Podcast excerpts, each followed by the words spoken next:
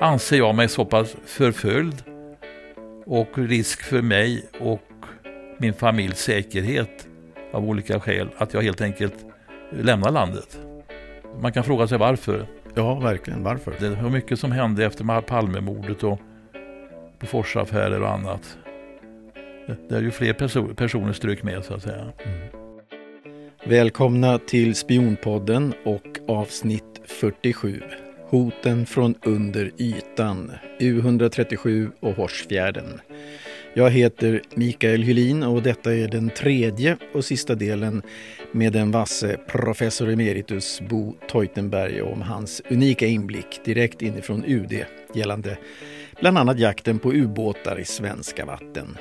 Men vi pratar även om KGB-infiltration, agenter, informatörer i Sverige, något som enligt Bo fortsätter än idag. Fast under andra namn som FSB, SVR samt GRU.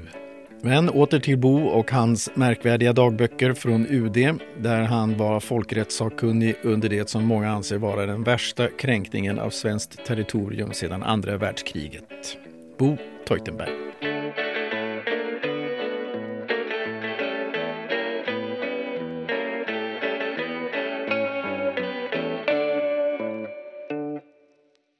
En kommission, vad är en kommission, varför använder man en kommission? Vad är dess uppgift? I bästa fall ska en, kommission tillsättas för att utreda sanningen. Eller ska den vara objektiv? Ja, det, ja helst objektiv är klart, men eh, i, i Sverige med, den, med det socialdemokratiska styre vi ändå har haft här i stort sett hundra år med vissa avbrott, så, så, så gäller ju vissa speciella regler. Att eh, inte NATO och gärna så att säga samarbete med Putin. De, de, de, de sticker ju inte under stol med att de faktiskt fortfarande tycker så här.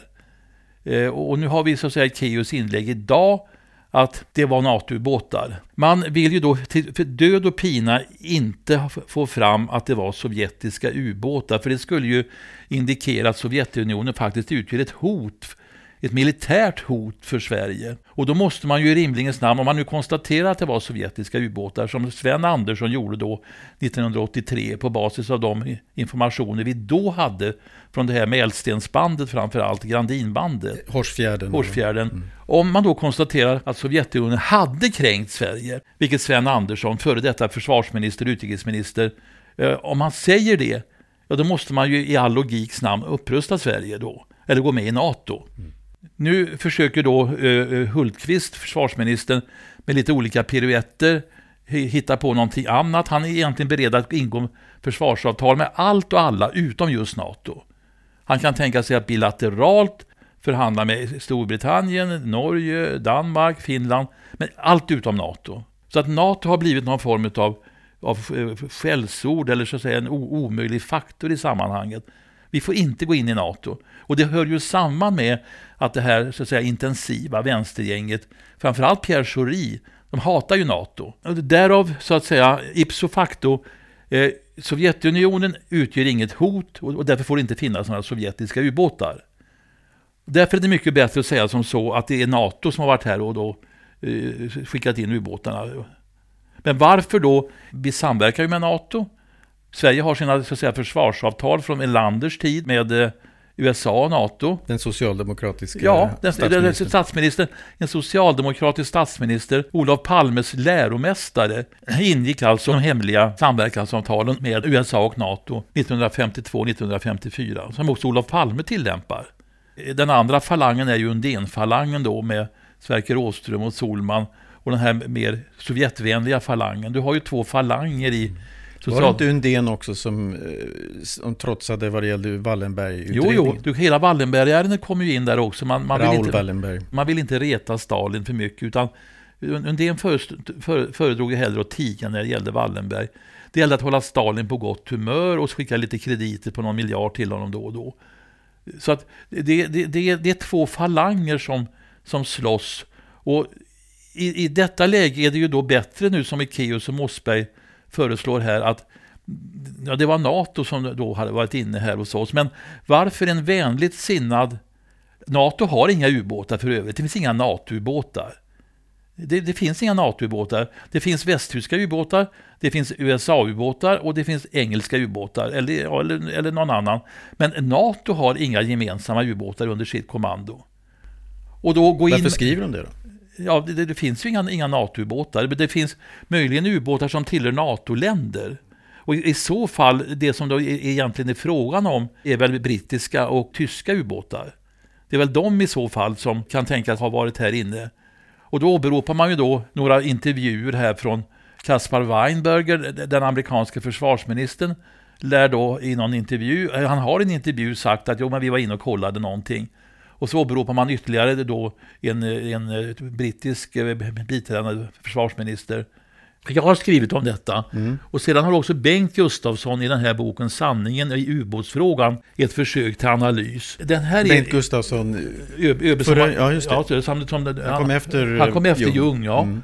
Jag var ju också hans folkrättssakkunnige. Mm. Och hade mycket att göra med honom så att säga under skrivandet av, när jag redigerade mina dagboksanteckningar. Så att han har ju kollat dem alltså. I alla fall fram till, fram till det att han, han dog för ett par år sedan. Han har ju då ganska noga utrett det här med NATO och de här intervjuerna som då Ekeus och andra ut, ut, åberopar. Men enligt Bengt Gustafsson så är, är, är, beror detta så att säga på en, en felaktig uppfattning av vad, vad de här herrarna säger. Mm. Och likadant då Ola Thunanders olika idéer med att det är NATO-ubåtar. Alltså det, det håller inte när man, när, man, när man granskar det hela. Jag skriver ju om detta också här. Man har gått in noga och pratat om det här med NATO-ubåtar här. Och det har ju framförallt också att göra med Horsfjärden då. För att nu har vi uppehållit oss kring U137. Men sen kommer ju nästa kaka, kom ju då Horsfjärden 83, 82. Och då så vill ju inte... Och Horsfjärden ligger ju mer uppåt Stockholm för ja, de som ja, inte vet. Horsfjärden ligger ju alldeles... 81 uppvaktar man Karlskrona med den här U137. För att prova in lite vapen som man kunde liksom skjuta, skjuta på dem sedan. Precis samma sak gör man 82 i oktober 82, precis i regeringsskiftet mellan Fälldin och Palme, mm. ja då uppträder ubåtarna i Horsfjärden. Mm. Och det är ju alldeles utanför, mellan, Börj, mellan Berga och Muskö, alltså de två andra baserna vi har. Och för de som inte vet, Berga? Ja, Berga är ju örlogsbasen alldeles i, vid, vid Horsfjärden. Ja, för det är en mycket hemlig plats för svensk eh, marin. Ja, hemlig, den, den, den, ja. den, den syns. Man får inte komma dit. Den syns vida omkring i och för sig. Muskö är ju hemligare, för där mm. hade vi de här eh, sprängda tunnlarna och allt det där. Va? Där ligger ju de andra huvudbaserna. Karlskrona är den ena och Berga Muskö de andra. Mm. Och det är ju väldigt lustigt att ryssarna uppvaktar då Karlskrona 81, 82 kommer då Horsfjärden. Men då vill, vill ju inte den nytillträdda regeringen Palme. Och det, det kom jag då till här att det är ju en himmelsvid skillnad mellan handläggningen. Jag skrev protestnoten då efter 137 den finns med här. Mm. Det var inga svårigheter. Vi hade Fälldin som statsminister, Ola Ullsten som utrikesminister, Leif Leifland som kabinettssekreterare, Lennart Ljung som ÖB. Mm. I Horsfjärden är det fortfarande Lennart Ljung som ÖB, mm. men i UD har det skett en väldigt, väldigt radikal omändring. För att vi har Olof Palme som statsminister, Lennart Bodström som utrikesminister Pierre Schori som kabinettssekreterare. Och Schori har jag pratat mycket om tidigare här och han ingår i mina böcker. Jag tjänstgjorde ändå med honom i flera år. Va? Så vi hade väl en, en så att säga working relationship. Det gäller också Sverker Åström. Vi hade bra personliga förbindelser men vi såg ju totalt annorlunda på det här med Sovjet och Sovjetpolitiken. Mm. Så här har man då en, en konstellation där UDs folkrättssakkunnige som trots allt på den tiden var en ganska tung position den var självständig på den tiden, den lydde inte under några avdelningschefer, den hängde direkt under utrikesministern. Efter min avgång så tog man bort det och gjorde så att säga den, the legal advisor till, stod under rättschefen. Men på min tid så var den folkrättssakkunnige självständig och sa vad han ville och gjorde vad han ville. Dessutom var han oftast då professor i folkrätt dessutom, eller docent. Men den befattningen tog man bort när jag lämnade. För man ville inte ha en självständigt opererande person utan då, då ville så att säga Socialdemokraterna själva tolka folkrätten. Mm. Och det var vad som hände när, när jag, som jag ser det, egentligen tvingades bort alltså då. Men vad hände i Horsfjärden då? Ja, Horsfjärden så ha, har vi ju då indikationer på närvaro av ubåtar. Mm. Och vid föredragningar i försvarsstaben utav de eh, ljudband som man då så att säga fick ifrån eh, de nu får du skilja mellan passiva och aktiva åtgärder. Mm.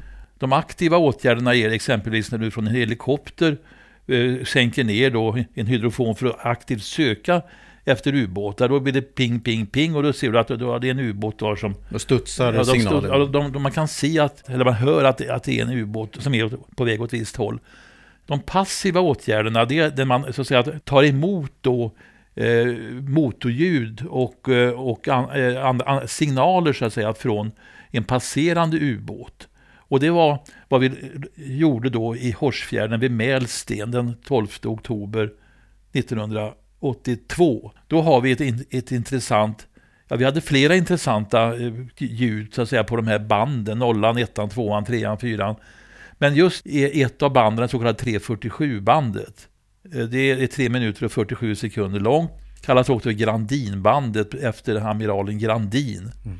Där finns det intressant ljud som alltså tolkades som en sovjetisk ubåt. Det där är ett mycket, mycket tungt bevis. Mycket tungt bevis för att det var en sovjetisk ubåt. Bo, jag är väldigt intresserad av att höra om det här med Ekeus och den här ubåtskommissionen. För i mina öron låter det som att man medvetet inte berättar sant. Alltså jag, jag anser ju att Ikeus-kommissionen, där han då får uppdrag att dels, alltså han får ju uppdraget då att utreda dels ubåtsfrågan, mm. och det är en omfattande rapport som då har den här SOU-beteckningen, Statens offentliga utredning 2001 kolon 85. Och där är det mycket intressant för att jag menar, här, här ges Ekeus då ett, ett vittomfattande uppdrag att egentligen så att säga inte bara tala om vad som hände utan också värdera. Han ska värdera eh, eh, insatserna, han ska värdera bakgrunden. Alltså han har någon slags eh, superrollsfunktion här där han egentligen... Men han är ju politiker, ambassadör. Ja, alltså han, han, var, han, han var nedrustningsambassadör i UD men samtidigt så var han ju då känd då som chef för det här eh, vänsterkotteriet i UD. Så att, jag tycker ju att det här är ju väldigt komprometterande. Jag menar, nu, nu, nu, nu kommer jag, det, det är en trevlig person i och för sig, va? men här försöker man då så att säga sätta bocken till trädgårdsmästare. Men, hur, men får han ensam agera som utredare? Han får ensamuppdrag att utreda detta. Tillsammans med Mossberg? Eh. Ja, Mossberg är huvudsekreterare. Ja. Chefen för försvarsdepartementet, statsrådet von Sydow, förordnade den 6 oktober 2000 ambassadören Rolf, Rolf Ekéus att vara särskild utredare. Utredningen har arbetat under benämningen ubåtsutredningen. Som huvudsekreterare förordnades från och med den 12 februari av ambassadören Mattias Mossberg, som är ju en annan så att säga, ubåtsaktivist på NATO-sidan. Okay. Fredsforskaren Ola Tunander har som expert tillhandahållit eget forskningsmaterial i ubåtsfrågan. Men vad då fredsforskare Tunander? Jag menar, han, han, från militära och andra kretsar betraktas han ju som desinformatör i det här ärendet. Men det, det, det finns inga, inga bevis om NATO-ubåtar på det viset som man, som man hävdar här. De finns inte. Det fanns inalles åtta stycken, eller möjligen tio stycken indikationer som möjligen skulle kunna vara västubåtar. Men det finns inga NATO-ubåtar som jag sa. Men det finns möjligen åtta indikationer på västubåtar. Förhållandena kring dessa åtta båtar avhemligades och eh, har då ställts till utredningens förfogande. Och när, när man tittar på det så, så det finns inget bakom detta. Och dessutom som jag sa tidigare så var det alltså en folkrättslig kontrovers mellan oss och eh, anglosaxiska stater om det tillåtna i att ha ett sånt brett territorialhav som vi hade. Men det var ett problem jag hade som folkrättssakkunnig. Mm. Det var för en professor i folkrätt att reda ut. Och det har jag tagit upp med State Department flera gånger. De, de åberopar ju här också liksom då att eh, den här eh, mycket skicklige kommendören av första graden, Emil Svensson, har ju spelat en mycket aktiv roll i de här utredningarna. Och han tjänstgjorde då under Carl Bildts tid i, i statsråds, statsrådsberedningen till och med. Och det var ju han som höll i de här samtalen direkt med Sovjetunionen. Ja, och jag menar, det, det, handlar, det handlar då om de här Grandinbandet eller det här 347-bandet. Eh, och till och med Sovjetunionen säger i de här samtalen med Svensson, ja, det är ett, ett ubåtsljud vi hör på banden. Men däremot vill de inte då gå, så, detta var under Jeltsins tid, mm. vill de inte gå så långt som de säger att det är en rysk ubåt. Men de erkände att det var ett ubåtsljud som vi hör på banden. Mm. I, I den här inledningen till Keus-rapporten så åberopas då här Eh, eh, år 1995 lämnade kommendören Emil Svensson en rapport om de rysk-svenska ubåtssamtalen. År 1996 eh, fick ambassadören Lars-Erik Lundin i uppdrag av utrikesdepartementet att göra en säkerhetspolitisk granskning kring kränkningarna av vatten, Överlämnas 96 då till utrikesministern.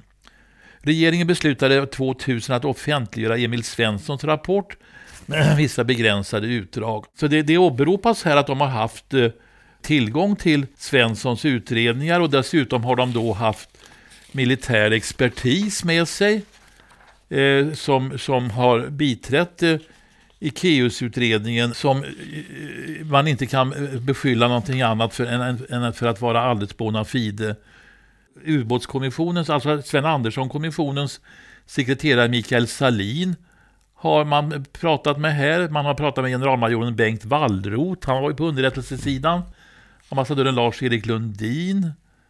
Eh, och sen har vi då, de, de talar om den Grandinska utredningen och Grandin, det var ju han som överlämnade det här 347-bandet till den franska underrättelsetjänsten. Som du berättade om. Som jag berättade om tidigare. Mm. Varpå fransmännen säger att det här är ju en rysk ubåt. Mm. så det, det var ett av de avgörande bevisen när jag satte mig ner för att skriva protestnoten redan då. För jag tror ju efter Hårsfjärden att vi har fullgoda bevis precis som med U137. Så jag går eh, efter en del föredragningar på försvarsstaben som jag redogör för här går jag hem till UD och sätter mig och skriver den där protestnoten. Mm. Men då har ju då Palme tillkommit kommit till makten och då har han det här vänsterentourage-gänget som för död och pina inte vill erkänna att det är sovjetiska ubåtar. Så att när Sven Andersson, som då är ordförande i den här första ubåtsskyddskommissionen 1983, mm. det är den första kommissionen, framlägger, de säger att ja, det är Sovjetunionen som har kränkt oss. Och då går man bland annat, bland annat på Grandinbandet men också på en massa annan bevisning. Mm. Man går på, på, eh, på eh, bottenspåren, man går på en massa olika tekniska förhållanden som utöver det här så att säga, signalen på bandet och, och, och typljud och allt sånt där bekräftar att vi har haft påhälsningar. Ekeus är ju medveten om är ju medveten om att det har förekommit ubåtskränkningar och likadant har ju detta fastställts då i den här nästa kommission. Om, du, om man nu ska försöka bena ut det här lite grann så har vi ju Sven Anderssons, förre utrikes och försvarsministern Sven Anderssons ubåtsskyddskommission 1983 mm som är då tillsatt för att reda ut händelserna 82 i Horsfjärden kommer fram till att det är en sovjetisk ubåt. Och det håller jag ju med om också eftersom jag också vet att det var en sovjetisk ubåt och jag hade satt igång att skriva protestnoten.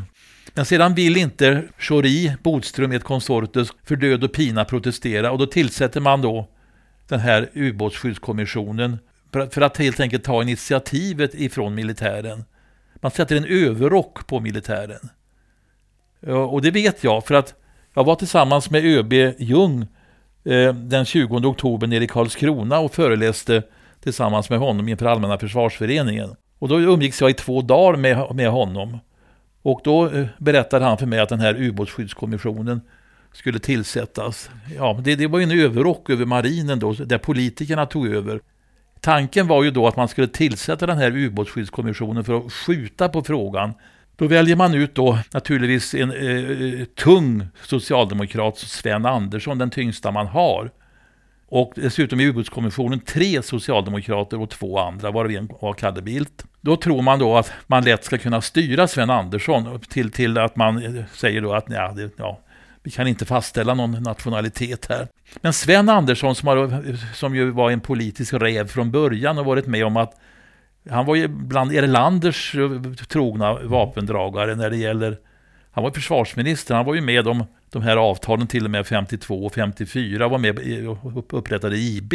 Han går ju inte att styra. Han säger precis som det är, det här var Sovjetunionen. Men då blir ju alla så förbannade i, i Palmes entourage jag var, ju, jag var ju med, jag lyssnade ju på det här, hur alla är, alltså går upp i, i falsett och, och beskyller Sven Andersson, den här jävla gubben säger man på något sätt.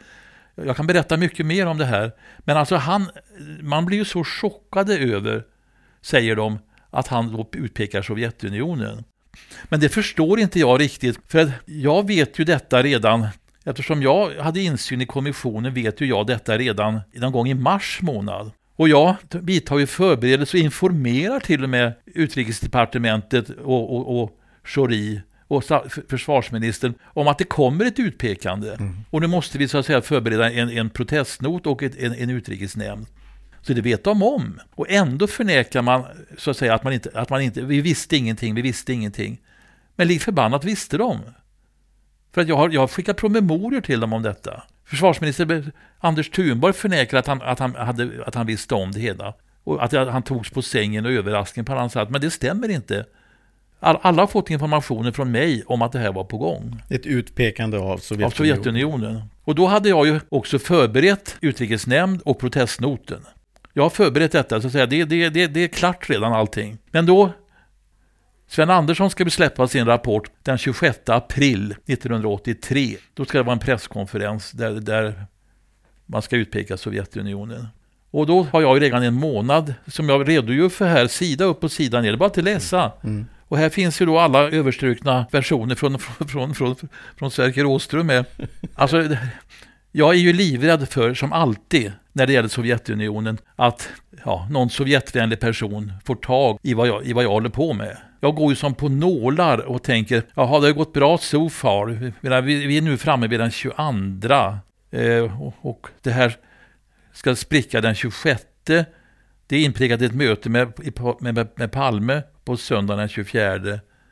Och tänker, jag tänker så här att nej, det här är för bra för att vara sant att det här kommer att hålla. Och naturligtvis, sanna mina ord, den 22 så kommer en sån här, ett motförslag från statsrådsberedningen. Och jag blir fly förbannad och tänker, vad är det nu?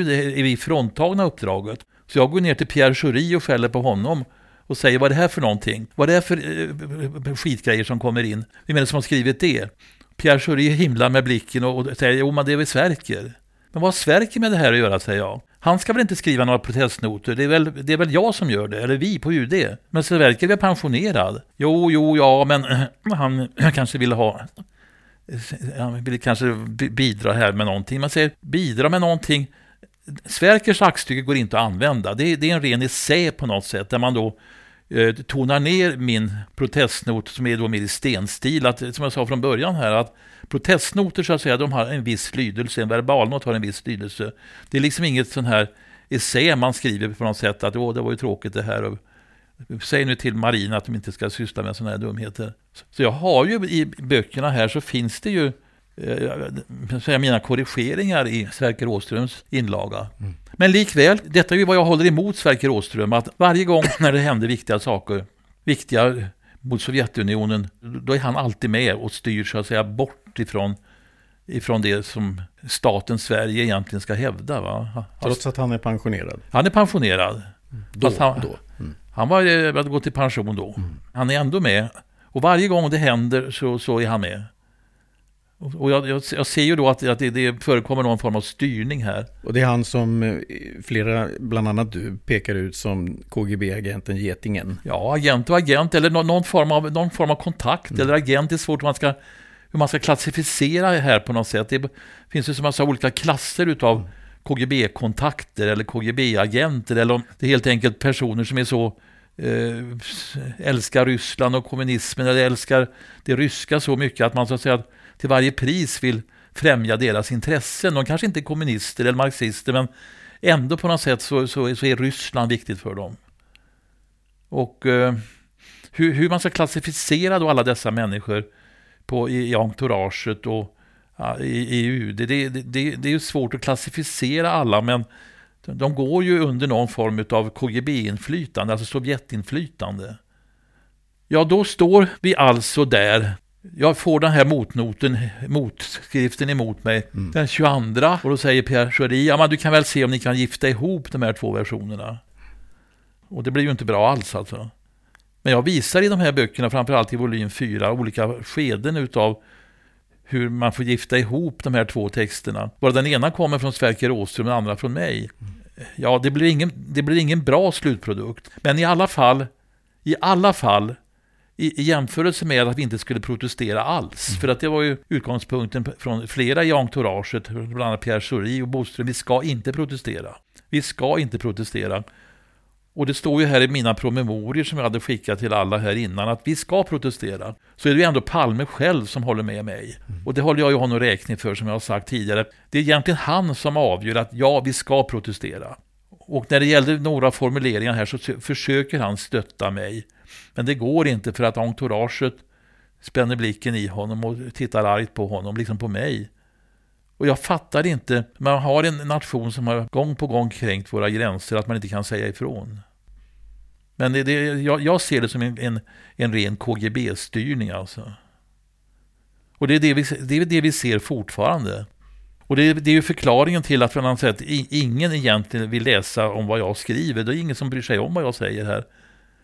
Men egentligen så skulle man ju använda mina böcker som den enda sanna versionen utav det hela. Men det är ingen som gör i det här landet, för det har gått för långt utvecklingen. 1988 anser jag mig så pass, så att säga, förföljd och risk för mig och min familjs säkerhet av olika skäl, att jag helt enkelt lämnar landet. Man, kan, man kan fråga sig varför. Ja, verkligen. Varför? Ja, det, det, läs mina böcker. Det, det, var mycket som hände. Det var mycket som hände efter Palmemordet och Boforsaffärer och annat. Det, det är ju fler perso personer strök med så att säga. Mm. Så att inte att leka med liksom, i det här landet vad, vad vi är på väg emot och, och vad, vad det var som hände. Med Bofors Algernon, ja. om han blev puttad eller ja. begick självmord. Ja. Ja. Men jag anser ändå liksom att trots allt, eftersom jag har de här dagboksanteckningarna så tycker jag ändå att jag vid min ålder, 80 år, faktiskt får, får säga hur jag har upplevt det hela. För att jag är ju i princip tystad, men inga, inga kommissioner har velat höra mig, trots att jag ändå spelade en viss huvudroll här. Va? Det var jag som skrev noterna. Det var jag som tjänstgjorde hos ÖB. Allt annat är hörsägen. Det finns ingen egentligen som var med i, i, i, i händelseförloppet mer än jag. Egentligen. Och idag då? Vad händer idag? Ja, menar, idag... Eh, titta på Ekeus eh, artikel, SVTs dokumentär, de pekar ut bojar. Eh, ja, det, det, enligt min uppfattning är det ju fortfarande... Jag menar, Sveriges Radio och Television är ju är ju maktens handgångna, handgångna män så att säga. Det är fortfarande alltså den öst, östliga, ja, KGB finns ju inte längre i och för sig, men de har ju efterträdare. Så mm. att jag ser ju allt som händer här i det här ljuset utav fortsatt så att säga desinformation. Då. Det, det ska liksom inte, det ska inte liksom, sanningen ska inte framgå att det är Sovjetunionen. För likväl fortfarande är ju huvudtemat det att A. Vi ska inte in i NATO och B. Ryssland, Putin utgör egentligen inte någon fara för oss. Det säger ju det här om gamla Cipri-entouraget, Hirdman, ett konsortes. Putin utgör ingen fara, det är ingen fara för, med honom, utan låt oss nu istället så att säga, okej, okay, han annekterade visserligen Krim då, det är väldigt otillåtet, men låt oss bortse från sådana där petitesser. Han hotar Ukraina, han hotar eh, Baltikum, men, men all the same, det är en bra guy. Vi får, vi får, vi får se mot Moskva och låt oss gå vidare. Och nu ska han rädda Europa med... Visst, det är ju också ett jättesmart... Jag menar, Putin är ju inte dum va? Han har ju spelat det här med energifrågan något så oerhört skickligt. Och sen dessutom har man då från regeringens sida här i Sverige tillstånd till den här Nord Stream 2, vilket jag, hade jag varit folkrättssakunnig hade jag aldrig varit med på det. Men han har ju nu sett till... Och det är den här gasledningen som gasledningen. går genom Östersjön. Ja, det där hade man kunnat komma ifrån om man hade velat. Nu så kan han förse hela Väst, eh, Västeuropa med både olja och gas. Och dessutom sitter han på den enda kunskapen som finns kvar idag om att bygga kärnkraftverk. Det sitter han på. Vi, vi har ingen kärnkraftsbyggande kapacitet kvar. Utan det, det, det, det är alltså Putin, Ryssland som har det. Så han sitter alltså på oljan, han sitter på gasen, han sitter på kärnkraften. Västtyskland, liksom eh, Sverige under miljörörelsen, har gjort sig av med kärnkraften och ja, väl snart med älvarna också. Vi ska hålla på med de här vindsnurrorna. Liksom hela Tyskland, hela tyska industrin håller på att braka samman. Samma här. Jag menar, Putin sitter då i all sin glans i Kreml med att ha en utpressningsnäve eh, eh, på EU och hela Västeuropa. Och vi har hjälpt till då genom att ge någon tillstånd för det här Nord Stream 2. Så det är ganska skickligt spelat eh, från den gamla KGB-kaptenen. Ja, det är många som hävdar att eh, det har varit ett långsiktigt eh, mål. Och det är ganska intressant för redan för ett år sedan så hade jag några avsnitt med Vera Efron bland annat. Och hon berättar just om hur det är med energifrågan. Och snart kommer ni se att Putin kommer sitta med, med, ja. med trumf på hand. Det påverkar också Ukraina på något mm. sätt. För att annars så gick ju alla ledningarna gick ju normalt sett, eller går normalt sett via Ukraina. Men i den mån man kopplar på nu den här Nord Stream, då kan man ju gå förbi den ledningen. Ja, nu stänger de ju av kranarna till Ukraina istället. Ja, visst, det är klart. Ukraina satt ju på både kärn, kärnvapen på sin tid, som de då förhandlade bort i den här Budapestöverenskommelsen. Där man då istället för att ha kvar sin kärnvapenkapacitet så skulle man då acceptera då garantier då för sin säkerhet. Ja, se vad som har hänt. De, de var ju till, till, till tänderna beväpnad, beväpnad kärnvapenmakt. Och här har både så att säga Putin och väst egentligen spelat fortan av dem. Och vad är de amerikanska garantierna värda i det här läget? Efter den här uppvisningen exempelvis i Afghanistan. Det, det, det, ser inte bra ut med andra ord. Man ska aldrig, aldrig skänka bort sitt försvar eller skänka bort någonting i, i gåva. För att i, även om det utlovas att man ska få någonting i gengäld så händer det aldrig. Men man gav bort sin kärn, kärnvapenkapacitet emot eh, garantier för sin suveränitet etc. etc. Vi har avskaffat vårt försvar nästan till noll. Och dessutom så bråkar man bara nu om några få miljarder för att bygga upp det igen. Och, och fortfarande är, är det en väldigt liten, liten del som vi bygger upp. Vi kommer ju aldrig kunna stå emot något Sovjetanfall om nu Putin skulle få för sig det. Om han nu ville förverkliga den här gamla ryska tsardrömmen om att eh, komma ut till Atlanten. Men vad tror du om ubåtar i svenska vatten idag? Nej, jag tror, att det jag, tror att det, jag tror uppriktigt sagt att det fortsätter precis som det har gjort hela tiden. Det är bara det att så fort man får några indikationer så bortförklaras det alltid på det sättet som har gjorts enligt den här desinformationsformeln. Att nej, det var, det, det var inga ryska ubåtar. Det, det, var, det, var, det, var, ja, det var Sillstim. Det kan hända att det, att det var det i vissa fall, men i så fall var det någon form av informationsmiss ifrån Försvarsmaktens sida. Mm. Och det är klart att de här franskmännen som då lyssnade på ljudet från, från eh, Horsfjärden. Horsfjärden, liksom andra samarbetande filurer i samma bransch, om man uttrycker sig så. De var naturligtvis bekanta med även företeelser som biologiska ljud. Så det var ju ingen nyhet för ja, folk i branschen så att säga. Och sen är det väl också så att alla de här eh, åberopandena av NATO-ubåtar där man baserar sig på eh, olika västliga potentater, mm. CIA och CIA-chefer. Det är väl ändå så att andra kompetenta organ här i Sverige, jag säger inte vilka, också hade sådana kontakter. Det är ju ingenting som är ex exklusivt för Tunander. Det är väl ingenting som, man, som ska komma den vägen. Utan jag menar, är det så att svenska statsmakten eller vi, om man nu vill få direktinformationer från samarbetande branschpartners, så får man det hur lätt som helst. Det är ju inte så att sådana här saker är, är, är okända för underrättelsetjänsten. Och dessutom vill jag säga också en sak till när det gäller underrättelsetjänsten som jag också har med i de här böckerna att det finns ju också när det gäller U137 så har ju faktiskt underrättelsetjänsten så mycket informationer om U137ans inre göranden och låtanden att det är alldeles fantastiskt hur mycket vi egentligen visste eller, eller vet. Och detta är ju någonting som inte folk har uppmärksammat riktigt men låt mig kanske ändå som avslutningsvis säga det att eh, här redogör jag då för ett samtal som en svensk underrättelseofficer har haft med personer i den motsvarande sovjetiska tjänsten om just U137. Och det här är ur din volym 4?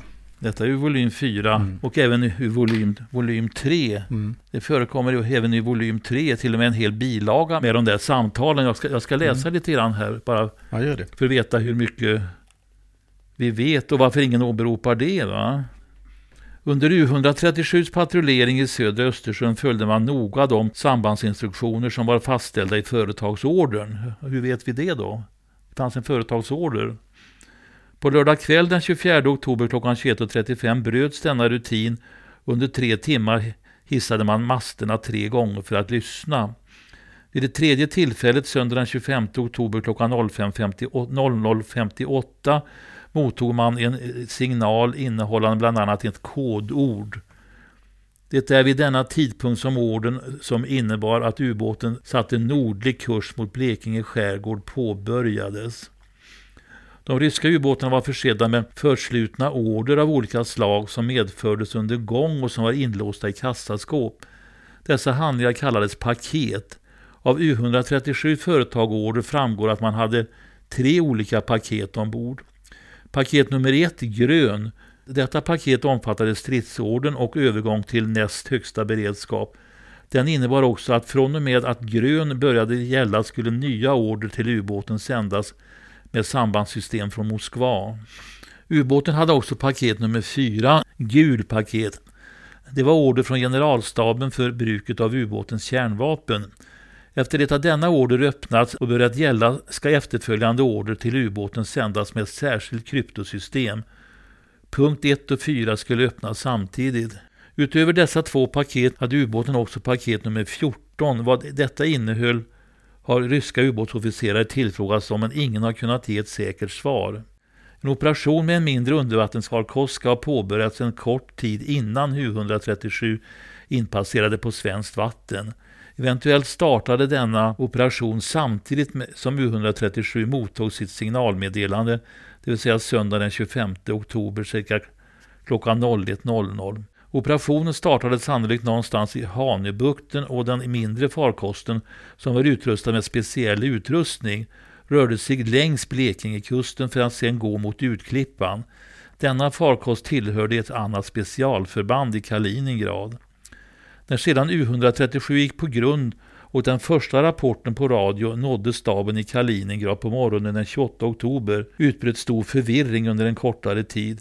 Inledningsvis trodde man att, av någon anledning att det var den mindre farkosten som grundstött med sin specialutrustning. När läget klarnat gavs order om att operationen med specialfarkosten omedelbart skulle avbrytas och den beordrades till mötesplatsen med ett specialfartyg i södra Östersjön när den togs ombord. För att inte avslöja för eventuella spaningsflyg vart man var på väg styrde fartyget längs den baltiska kusten upp mot Finska viken för att därefter gå sydvart igen till Kaliningradområdet.